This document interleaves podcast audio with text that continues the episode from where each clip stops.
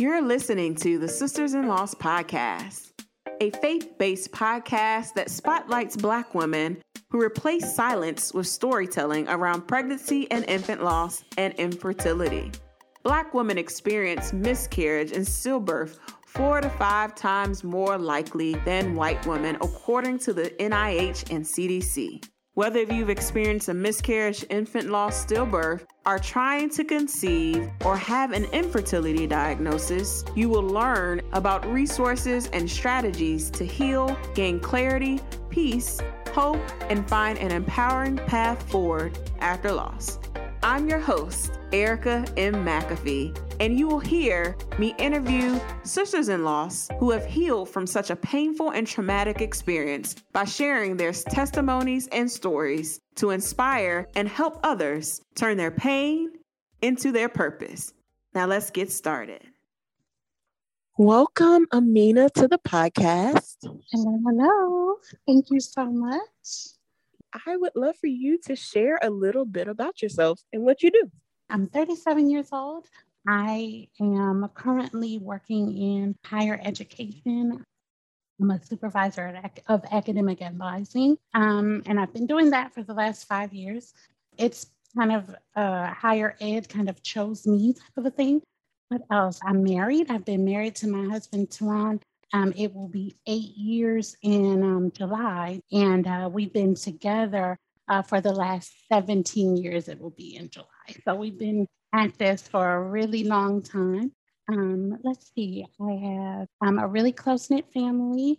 Um, mom and dad live like five minutes down the street from me. And um, I have two brothers. I have an older brother, James, and a twin brother, Armand. And again, we're just a, a really close knit family what else about me? Um, I'm a writer. I sing when I'm not writing or when I'm not working in higher ed. It's always tough to to introduce yourself, you know, and to talk about who you are. Um, but I think whenever you hear, you know, whenever um, anybody gets to know who I am, it, it's ultimately to say that music is like my first love. Yes, absolutely. But you have a story to tell. And I, I would love for you to just take us back on your journey to motherhood, share with us um, your lost story, your infertility journey. Yeah, yeah. So um, my journey is a difficult one.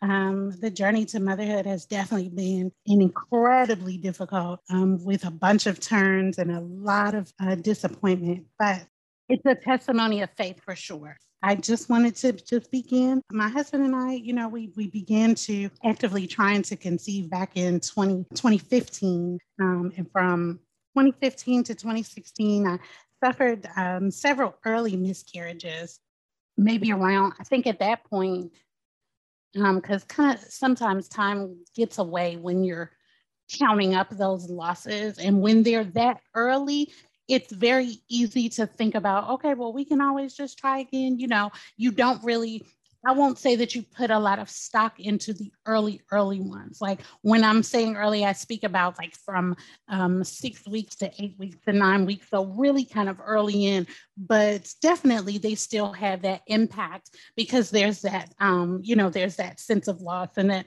sense of um, disappointment. But finally, though, in um, May 2017, um, we got pregnant uh, with our uh, son Carver, and this particular pregnancy was um, super perfect. I didn't have any uh, morning sickness, no, um, no giant mood swings. Like I'm a Gemini, so my mood swings are always going to be there. But I think for for that particular pregnancy, it was very easy. You know, just kind of eating. Like that was it. It was just eating and sleeping and all the good cravings, right? So as we um, progressed through that pregnancy, everything, you know, was looking good. He was measuring well. You know, I was measuring well in terms of like weight and stuff. You know, we're always concerned about um, how much weight we're putting on uh, during the pregnancy, but everything was wonderful.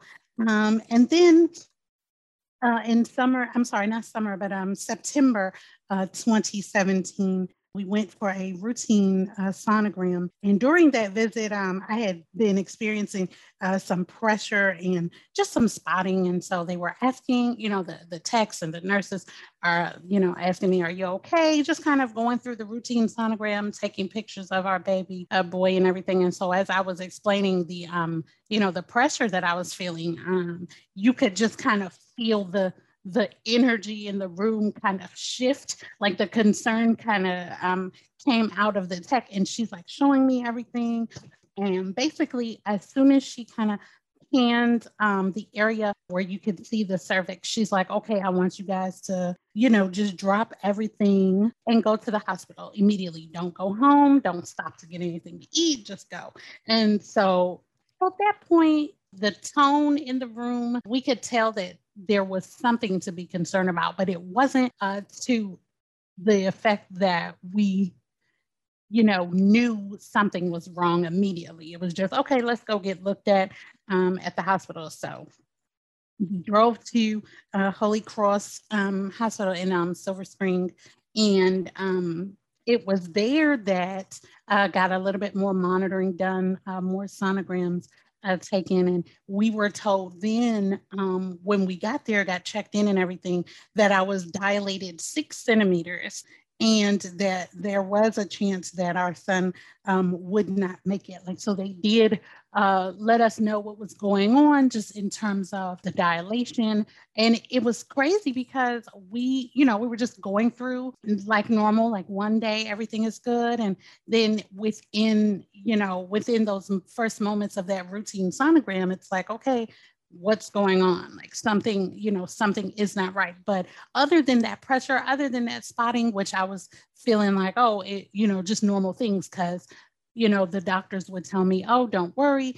People's you know women spot through you know pregnancy all the time. You know there shouldn't be any uh, worries but just monitor it see if you know the flow picks up. But it never did. So i never uh, really was concerned too much about it. But um, when they told us, you know, that we were six centimeters, we basically had to um, just kind of prepare for the worst. And I mean, they spoke to us about um, what I know now to be an emergency uh, cerclage. Like when I first got into that situation, I had no idea what they were saying um, it was almost like they were speaking a, a, whole different language. And I'm like, I don't know what this is, despite the fact that um, at that time, you know, I'm in my 30s, you know, and I think a common misconception about medical field and no, you know, no disrespect um, to any, you know, doctors, nurses, you know, sonotechs, anything like that. But I think when women come in and they're not as knowledgeable um, of those terms like emergency cerclage, just a lot of things that were just kind of foreign to me. I'm just like, wait, I don't know what's going on. Everybody slow down. And it was just so rapid. Like everything was just coming at us so quickly that it really was not time um, to process uh, too much. But um, to make a long story short about this instance, you know, I was in labor and, and didn't know it, you know what I mean? And so the plan immediately was um, to keep me in the hospital for at least uh, three more weeks. At this point um, of the pregnancy, I was at 21 weeks and four days.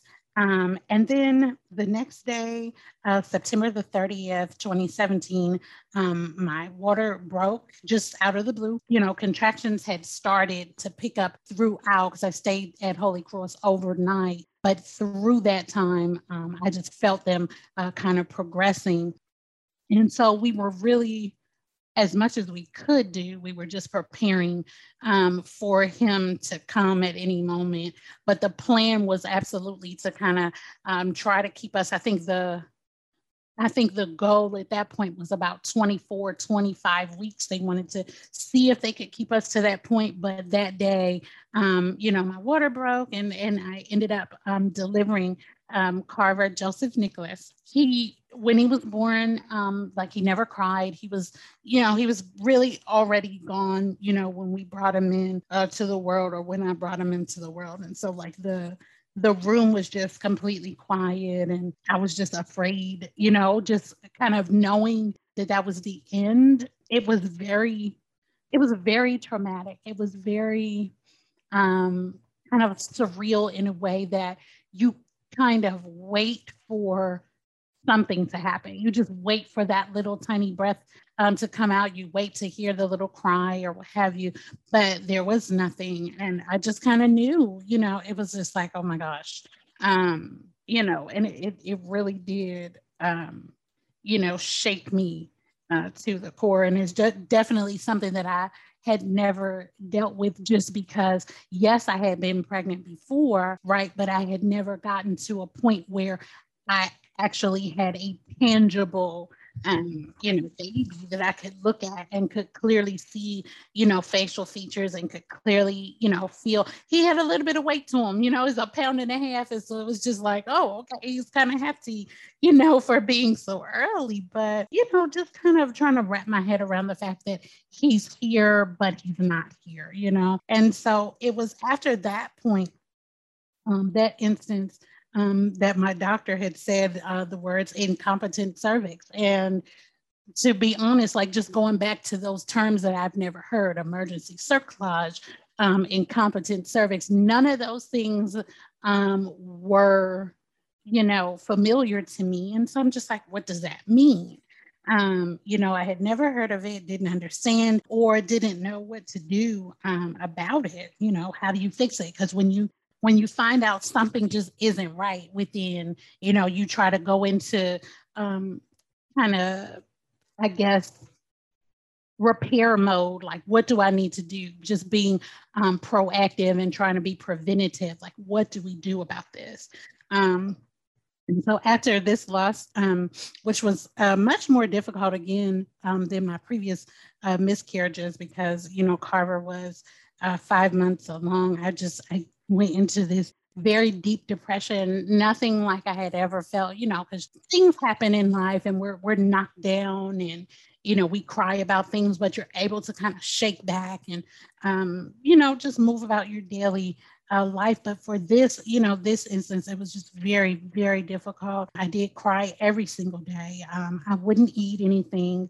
Um, I couldn't sleep. I just you know, and the, the biggest part um, in terms of just being kind of feeling stuck, I just stopped going to church because, like at that time, you know, pre-pandemic, you know, we're always me. I'm always in church. Anybody that knows Amina, like I'm, I'm there every Sunday. I'm there when the, you know, whenever the doors are open. Like, let's go, because singing is my whole life. And for this, or when this did happen, like, I just didn't feel like doing any of that.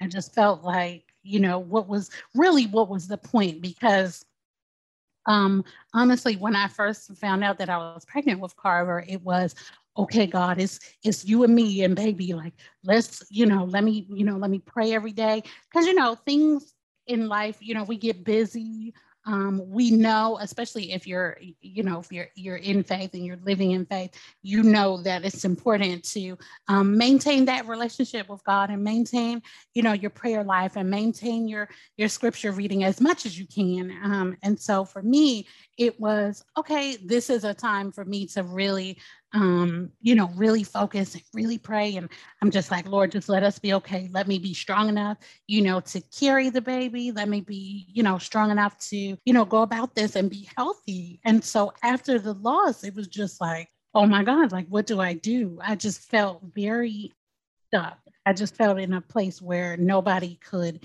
um, like there was no one that could kind of get me out of that. Um, and once you know, once we began, you know, we got cleared or what have you to um, begin trying again, um, I I was going in like, okay, I, I guess I'm ready, you know, because you don't, you didn't really, you know, you don't acknowledge all the pain and all the hurt, like especially when it's kind of the first time of something very traumatic happening to you. It's kind of like you're on autopilot, and I felt like that's a lot of time where I was. I just kind of um, coasted, um, took time off from work to kind of bounce back. And, you know, while I was off, you know, I just kind of sat around. And then when, you know, I would go back for the, the postpartum checkup to make sure everything was okay. They're like, okay, you got the green light. Um, you know, you guys can, you know, move forward as you will. And so for me, I was just like, okay, let's, let's go you know let's let's try it again. And so once we were cleared to begin trying after carver um, i suffered two more early miscarriages. And then after those we finally you know made the decision uh, to go to shady grove fertility to have all kinds of tests run just to make sure everything was in uh, order everything was working properly or what have you. So while um, we were starting that process i had um, had something called a um, I'm going to try to say it, a hysterosalpingogram uh, procedure. I had two of those, or HSG procedures. And what they do, um, I know maybe your audience is familiar with them, but what um, those hysterosalpingogram uh, procedures do is essentially kind of flush out um, your tubes to make sure that there are, are not any blockages or nothing that will, um, you know, prevent you from or pre- prevent everything from reaching your potential egg. So again, just learning about all of these procedures was something brand new to me not really painful, just really weird. You know what I mean? Like really um strange um sensation or what have you. And so I had two of those. And I'm like, oh, this is new. Like, let's, you know, let's see what's going on.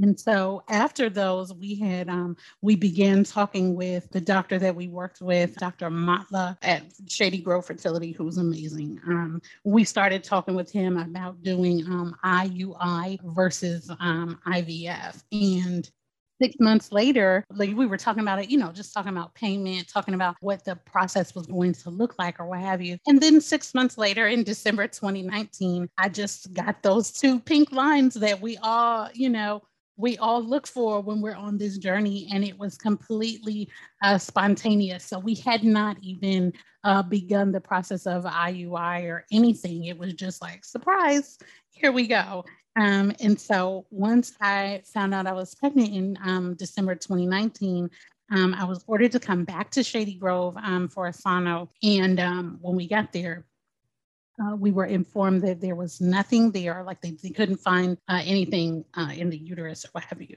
But my you know, despite the fact that they said that there was nothing there, um, my HCG levels just continued to pick up and they continued to increase. And so after about a week um, after that appointment, it was now like January 2020 at this point. Um, I just started to experience like such pain, like it was just super excruciating pain. Just kind of, um, you know, think about your worst uh, menstrual cramps that you could ever have. I know that there's really not a way to explain like what kind of hurt we go through, but um, just experiencing that pain um, was a lot. And so we kept going, you know, back and forth uh, to the doctor, and um, they finally um, pointed out that it, it was a, um, an ectopic pregnancy. Um, so when they told me that it was an ectopic pregnancy, they gave me shots that would essentially eliminate uh, the pregnancy or um, just kind of shrink everything down so that we could, um, you know, so I could kind of pass it, get back to normal, what have you. But after the first two rounds of um, the shot, because you get two two shots, maybe about a week apart or something, a couple of days apart. But it was weird because my HCG just kept on, um, you know, it was still high. It would never uh, decrease. And I was still kind of in pain uh, at that point. And so, January uh, the 11th of uh, 2020, I had a follow up appointment with um, Shady Grove and um, was ordered to go back to the same hospital I had lost Carver in uh, to have an emergency surgery to have my right tube removed just because the the pregnancy like it they would search the uterus and they're like we can't find anything. And I'm like I know you know something is there because I'm in this pain. Like and finally when we went back for that final um, checkup the doctor's like I see it. Like it was a different doctor at this point but she she kind of was going around with that little the sono, the little scope or what have you. And she's like, oh, I see it. Like, let's get you, you know, let's get you to the Holy Cross immediately. And with that, of course, again, I'm just like, oh God, like what now? And this was on a a Sunday um, when they told us to go back to Holy Cross for the um, for the surgery. And so for me, I'm just crying you know me and my husband were just kind of sitting in this in the room and, and, you know waiting in the exam room to get everything drawn up orders drawn up to get me over to um, holy cross. And it was just you know it just felt like uh, it felt like deja vu really. It was just like oh my god the the tragic irony of having to go back to um, where we lost our carver. It was just really um, just kind of uh, just real traumatic really um, really scary really nerve-wracking. After we went there you know everything was kind of quick. Uh, i hate the pun cut and dry but it really was kind of in and out and i was very nervous. I'm a, i'm very nervous about surgeries and anesthesia and things like that so i'm just praying the whole time. My family dropped everything met me you know met us at the hospital and we got everything taken care of. And they i just remember waking up from the anesthesia and the the doctor kind of showed me what you know what the tube looked like and I was still kind of out of it, still very groggy.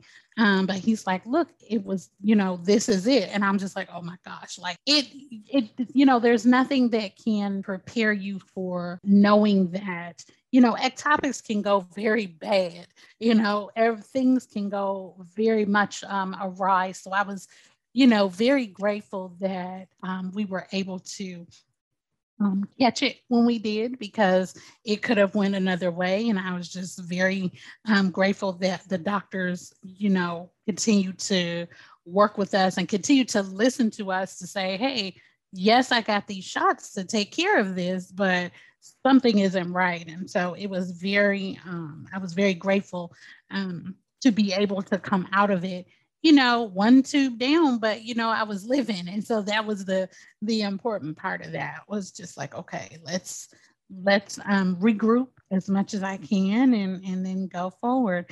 Um, so after all of that i was just really drained you know still reeling from uh, losing my carver and um, now i just had to add this other uh, experience to the list right? And so moving forward from there, about four months later, like April, April, May 2020-ish, and I believe it was April uh, that we found out um, that we did it again. We were just pregnant uh, spontaneously. Um, and this time we were pregnant with twins. And so it was a, a major shock. We were back at uh, Shady Grove just because we had been working with them um, not necessarily for any kind of treatments or anything, but it was, you know, they were always the ones that we were going to be working with because the plan uh, always was for IUI, um, you know, and we we would go from there. But even now, um, you know, it was like, hey, we're back. We did it. You know, we didn't even need like additional help. So when we got in there, you know, Dr. Montla's like, uh, giving me the sono and he says, Oh, there are two of them. And I was just like, Wait, what? So the shock of it um, to know that there were two babies, um, I was just very excited, but at the same time, very cautious just because we had been going through a lot of, um, you know, just a lot of loss. And so it's always, whenever we do get that positive, whenever we get those two lines, whenever we get that plus sign, it's just like, okay, yes, I'm excited, but let me come into this with a little bit more uh, caution uh, or what have you. So it was a big shock. We were, you know, they they always told us when we found out that there were twins there um, that there was a possibility that we would just keep our eye on the growth um, of both of them. So they always prepped us for maybe not the worst, but the the good news bad news kind of situation because there is always a chance where one baby could develop uh, more than the other. And so we were we pretty much knew um, what the picture would look like um, going in. So we did not go into this super duper excited in the beginning. It was just like okay we'll just keep you know on the, the side of caution for now. Um, so within um, the first few weeks um, of that pregnancy that, with the twins, um, we discussed um, a TVC or a transvaginal cerclage to keep my cervix intact. Um, and this was something um, that we prepared for after uh, losing Carver. So we just went back to revisiting this conversation and at that point they would they would normally do a tvc or transvaginal cerclage between the weeks of 10 and 13 or 14, I believe um, it is. So I went in, um, I believe I was at 10 weeks um, when I went in for the transvaginal cerclage. Real, you know, um, strange procedure, especially when you're not um, you know, when you're just not used to it, you just think that, you know, your pregnancies are going to go well and you don't have to think about these kinds of um, procedures. But I was awake um, the entire time, just under um, really heavy uh, anesthesia, really like a epidural type uh, anesthesia where you're kind of numb from the waist down, but I was awake. I was present. The the staff was very, um, you know, present and and wonderful. You know, very wonderful staff and supportive.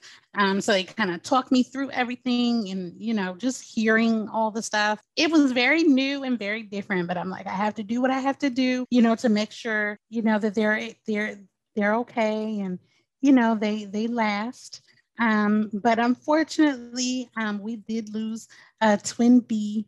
Um, and that was when I went in. Well, I had lost twin B before I went in for the um, the transvaginal cerclage. We lost twin B eight weeks. But then twin A, you know, he just kept getting stronger by the day. We had the TVC placed in uh, July 2020, and everything was smooth sailing for him until it wasn't, you know. And we went into the ER um, at 18 weeks and three days um, with spotting and contractions. And um, I was told that I was funneling and had about 0.5 uh, millimeters of cervix left. You know, and we pleaded with our doctors you know, for some kind of shot or just anything um, that could slow down the contraction, slow down the labor. But we were essentially sent home, um, and I was placed on uh, bed rest and just kind of told, you know, the the only thing you can do at this point is pray. And um, it's very, it's it's. I know that doctors, you know, they have to be objective. They can't be super emotional but when you're just, you know, when you get this, you know, news that, oh, you're funneling, literally, um, Erica, I was just like, what does that mean? So while I'm waiting for the sonotech, you know, to come back with the report or, or to bring me to my doctor so they could let me know what's what. I heard the text speaking with someone um, and I just heard funneling. And so immediately I'm just Googling and, and I'm Queen Google. Like I'll just, if something is happening to me, I'm just like, what is this? And don't do that because it'll give you panic attacks. But um, when I'm Googling, I'm just like, oh my God, like this can't be good.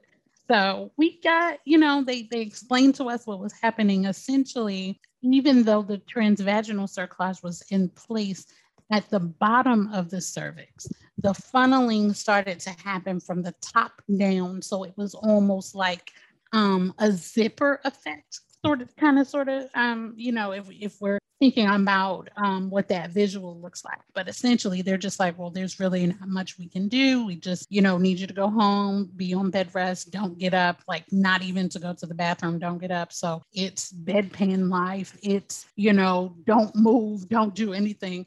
Um, and so um, for the three days, I, you know, I camped out on the couch and you know, three days later, um, we rushed back to the hospital uh, because the contractions were just coming harder and harder.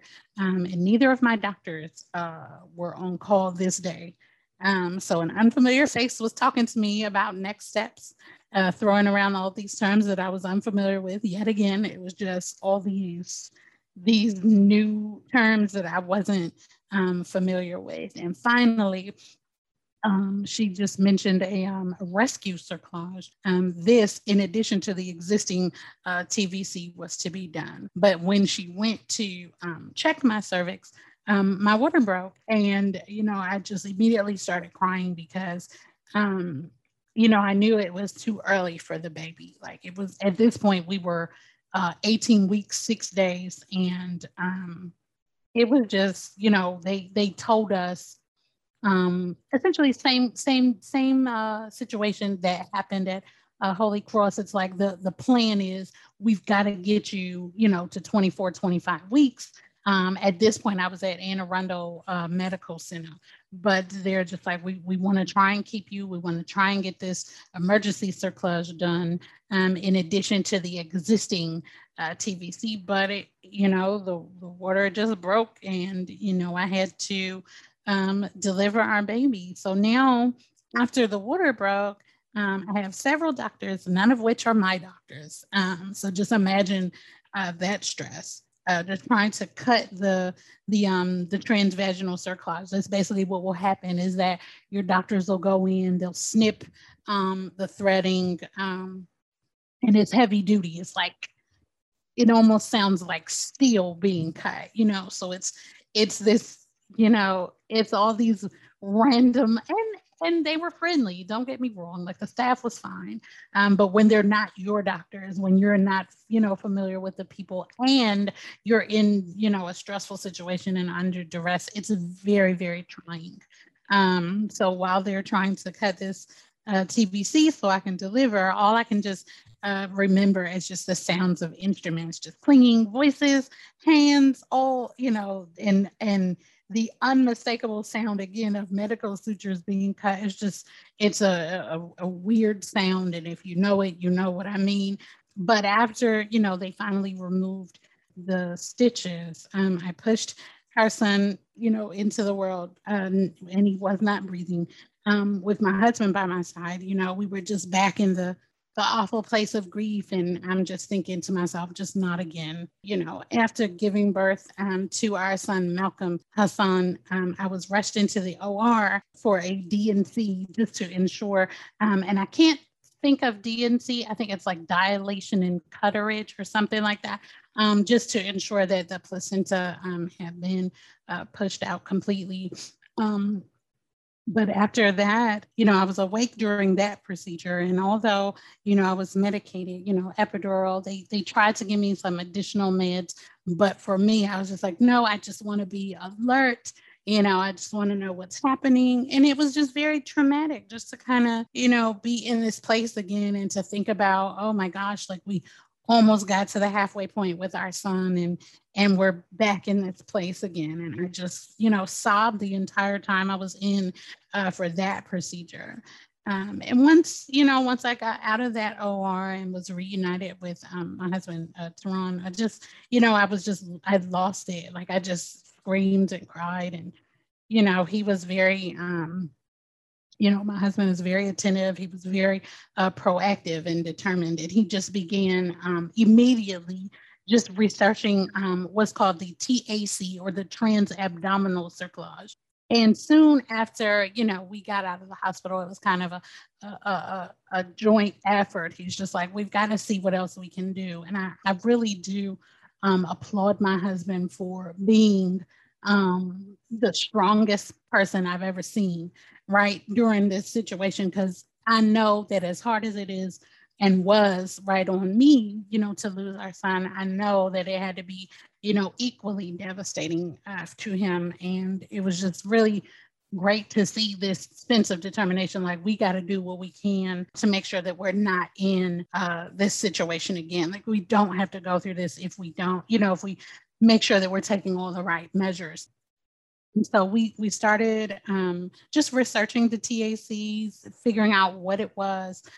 And while we were doing that, it's very interesting um, that my my older brother, who now lives um, in Dallas, he would like he just texted me um, like every day just to make sure I was okay. You know, family was present, um, everybody was there for us, and and absolutely gave us uh, the support that we needed, but also the space that we needed because it was a very different, um, a different kind of grief. Because even where losing Carver was very, um, very fast, very immediate, and very unexpected. For the loss of Malcolm, it was a little bit heavier because of the fact that we had done, you know, presumably everything we thought was the right thing to do in terms of getting the TVC done and still losing him was just like, oh my God, like we've done everything right and we still had to deal with this. But my older brother reached out to me and was like, hey, like I saw this uh, episode of 30 for 30, this ESPN um, documentary series. And I cannot remember the, the football player at this point, but he and his wife essentially went through the same situation that Teron and I did, just multiple losses. And his wife uh, had decided, you know, they started looking into the trans trans abdominal uh. So he was like, "Did you ever think about you know, this? Did you ever think about, you know, maybe, you know, trying this out? And so I told him, I was like, it's very interesting that you say that because we're Googling and researching everything now. And so basically everybody was on board to just say, look, we think this might be a good idea. Let's let's try and figure out what has to happen. So in um, November 2020, we consulted with two doctors who specialized in uh, TAC placement. Um, and in March 21, um, March 2021, I had the procedure done um, at Mercy Medical Center in Baltimore, Maryland, with um, a Dr. M. He was amazing. Everyone, um, you know, just spoke to us about uh, about what the procedure would look like. Dr. M and Dr. Atlas um, in Baltimore. If anyone is, you know, thinking about a TAC placement, definitely have that consult with both of those doctors. They're amazing. Um, so I got that procedure done uh, March 1st, uh, 2021. And while um, at, um, at this point we're cleared um, to begin trying, it took, um, we were in uh, recovery essentially for uh, four weeks after um, after that procedure. You're put, you know, you're put under and essentially the transabdominal is the um, essentially the same idea as the transvaginal, but the TAC goes a little higher up on the cervix. So it's a little, it's almost like a rubber band around the cervix so that it does prevent or it is supposed to prevent funneling, which is what we um, encountered with the loss of Malcolm. But I got that done in uh, March and we've since been cleared to uh, start trying again. And um, so right now, while we, we don't have any news to share uh, at this point, um, we're definitely hopeful um, for the possibility of um, experiencing complete parenthood. And, you know, we remember our children. And I was really, you know, I was really trying to get through it without crying. But we, re- we do remember our children we, we speak of them uh, often. We have memory boxes with their belongings in them. We have um, their fingerprints, their, um, you know, handprints, footprints, little hats and blankets and things like that. So we, we have those things in two separate boxes. And it is very difficult. Some days are, you know, worse than others. But when I think about my sons, I'm just, I, you know, I feel the joy uh, in the world to just know that I was blessed, right? That we were blessed to at least carry them and to feel them and to you know be able to speak to them and and pour love into them even while they were growing and so you know while it's very painful that we've gotten to um, kind of over the halfway point with carver and near uh, to the halfway point with uh, malcolm it you know it hurt right to to think about who they could be right at this point, who they would look like. Although um, both my sons uh, were the spitting image of my husband. It's so funny. I often like to joke that I did all this work, you know, with these baby boys, and they they didn't look a thing like me. Um, but I, am very grateful, right, to to cherish um, their memories and um, we named our son Carver, Carver Joseph Nicholas Lively. And um, Carver's name, um, his father chose Carver because he felt that he would essentially carve uh, the path or the way, you know, for the rest of his uh, brothers and or sisters. You know, at this point, we we think about him almost. I, I don't want to say as a sacrifice, yeah, but but yeah, just definitely carving out that path for our, our, future, you know, children if we're if we will have any more. Um, and then Malcolm Hassan, um, we've named, we decided uh, to name him Malcolm after uh, Malcolm X, of course, who is one of my uh, one of my heroes. So we we've um, you know whenever we choose names, we want to do so. We want to give them names with meaning. We want to, you know, give them names with purpose and and, and things like that. So we're very grateful. Um, even though this road has been extremely difficult, um, we are grateful that we've you know had the chance to grow them and to to love them as we were able to and honestly the tragedy of it has brought us you know so much closer together because marriages You know, people say, oh, you know, marriage is hard work, marriage is this, marriage is that. Marriage is work, um, right? But when you throw tragedy into the mix, when you lose children, it's very difficult to know, you know, what will happen um, between the dynamic of the two of you. But for us, it's just been that we've just held on to each other. We're just we we very much um, you know rely on each other uh, for strength, and you know it's this situation after losing Malcolm, I decided that I was not going to um, retreat into my feelings, um, right, and be, you know, just in that stuck space that I was at with Carver.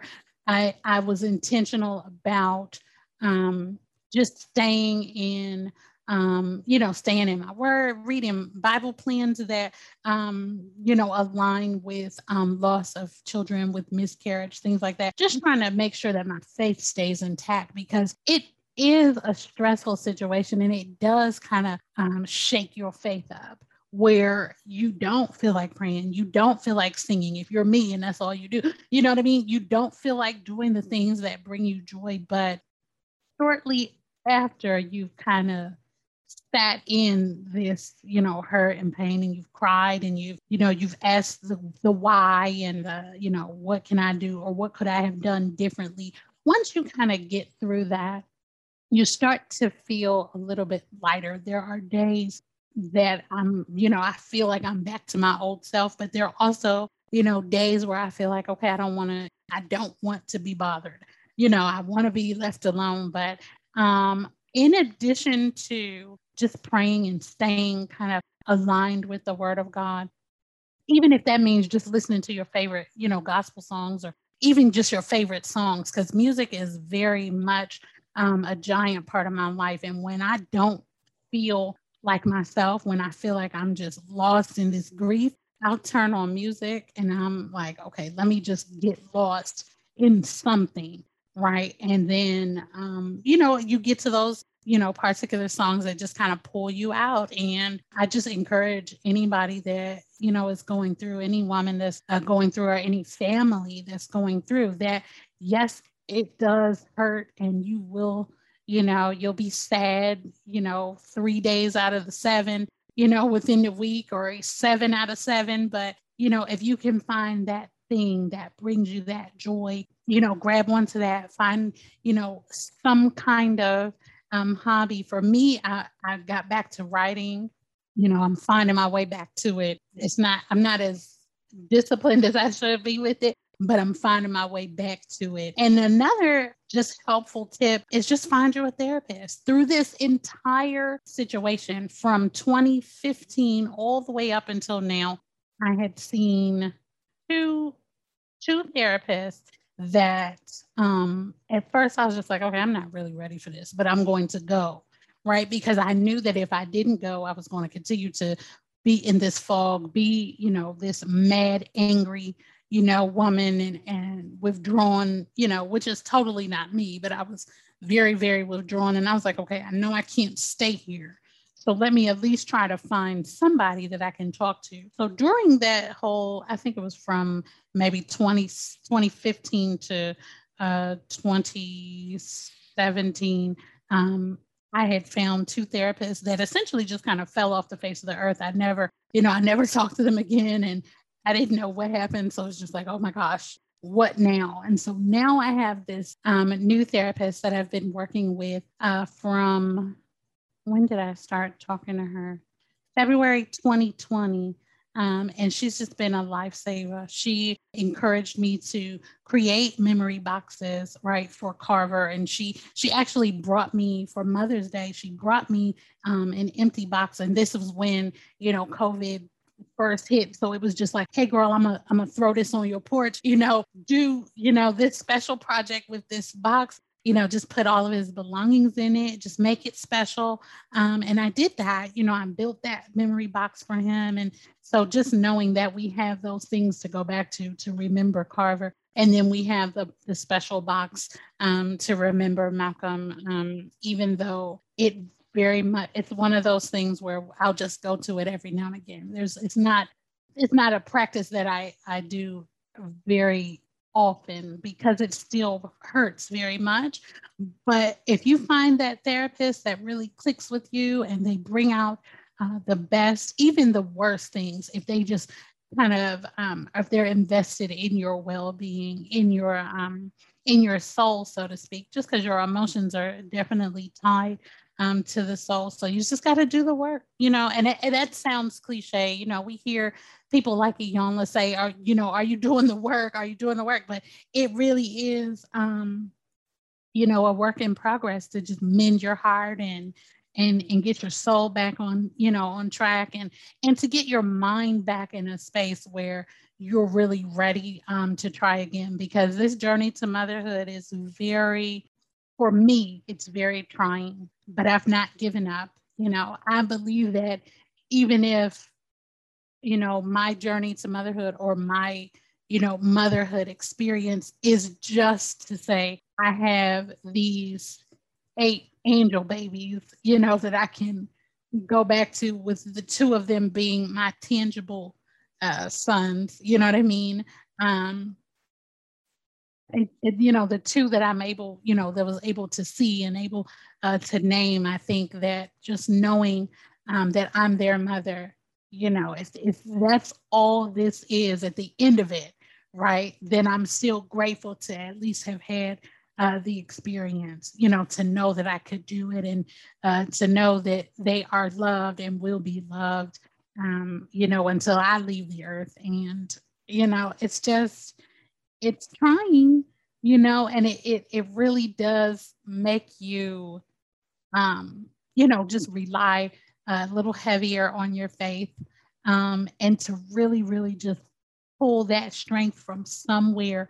And I promise you, for me, it is absolutely, absolutely the Lord that just kind of keeps me, you know, together and keeps me from day to day. It's it's just like you know it's it's god it's my husband it's my family you know and i you know my church family is outstanding. They you know they're they're like family. I've been going to my church since i was 10 years old. Uh, so we are all family.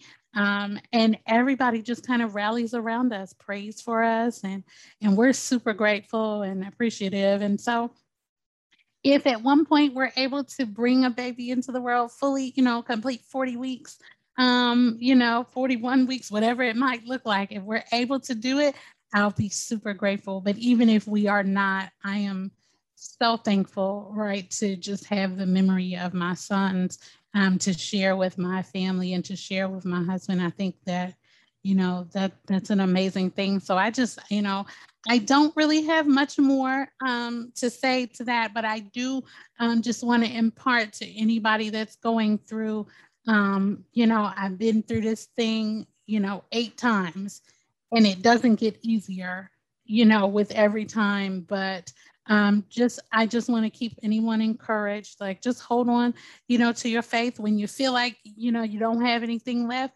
Just, you know, and you're at the end of your rope, just tie a knot in it and hold on. You know, that's it. You know, that's all I can say is just be encouraged, um, you know, and, I'm hopeful that my story um, can help somebody else because when I was going through, I, you know, I didn't know about this community um, of people. I didn't know about, you know, the incompetent cervix crew. You know what I mean? Like I didn't know about the cerclage folks, like all this, all this new stuff. And so I'm grateful, right, for social media too, because you get to see other people's um, you know testimonies as it were you get to hear about other people's experiences. So i'm just grateful um, that i've had an opportunity to share hopefully encourage somebody's heart that um, even though it may look bad you know it may look like the journey is you know fruitless but if you hold on um, just to that little tiny mustard seed of faith you know the grain of a mustard seed not even the actual seed right but the the grain of that, how tiny that is. That's all you need, right? And so um, I just want to keep anybody encouraged that's going through. And Erica, I definitely just want to thank you, you know, for the time. Thank you for letting me share, you know, my experience. And I'm hopeful that I'll be able to just encourage somebody as we go through. And so, baby dust right to everybody. Yes, absolutely. for that. So thank you so much. You are so welcome. You have you have already wrapped everything up. Where can our listeners connect with you after this episode? I'm on uh, Instagram, um, and it, it's so funny as I'm going to Instagram, so I can make sure that I'm giving you my correct my correct uh, handle. So they can find me on Instagram, IG, or Instagram.com slash queen underscore Amina. And I've got um, a new venture in place. It's under construction, but if you guys come with me, I promise you, you'll see something real soon. And we're we're we're waiting on God, um, you know, to give me the, the full direction. But Queen underscore Amina, and also on Instagram um, at sign paperback. So P A P E R B A K books B O O K S. So at paperbackbooks.com. That's Instagram um, at Find Paperback Books and Instagram at Queen underscore Amina. You can find me there. Um, you can also find me uh, on Facebook, Amina dot lively l-i-v-e-l-y if you want to connect if you need me to pray if you need you know if you need a push you need that special support i got you Thank you so much, Amina, for sharing your story and your light with us. I Thank know you, that Erica. someone will be be blessed by you know your testimony for sure, and we are gonna be following you on your journey Excellent, and you excellent. navigating. Absolutely. Excellent.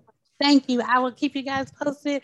Fingers crossed this TAC does what it needs to do. You guys will be among the first um, to hear the good news. And I'm, I'm so thankful um, for the opportunity. And definitely keep your eyes open for new ventures. Um, I'm stepping out on faith on something. And so hopefully um, you get to see those things at work very soon. Perfect. All right. Well, thank you so much. Of course. Of You have a course. good one. Thank you so much. Thank you for listening to today's episode. For show notes, go to sistersinloss.com to stay connected with us and join the Sisters in Loss community and receive my weekly newsletter. Please go to sistersinloss.com forward slash newsletter. That is sistersinloss.com forward slash newsletter. Please rate and review this episode, and I will talk to you next week.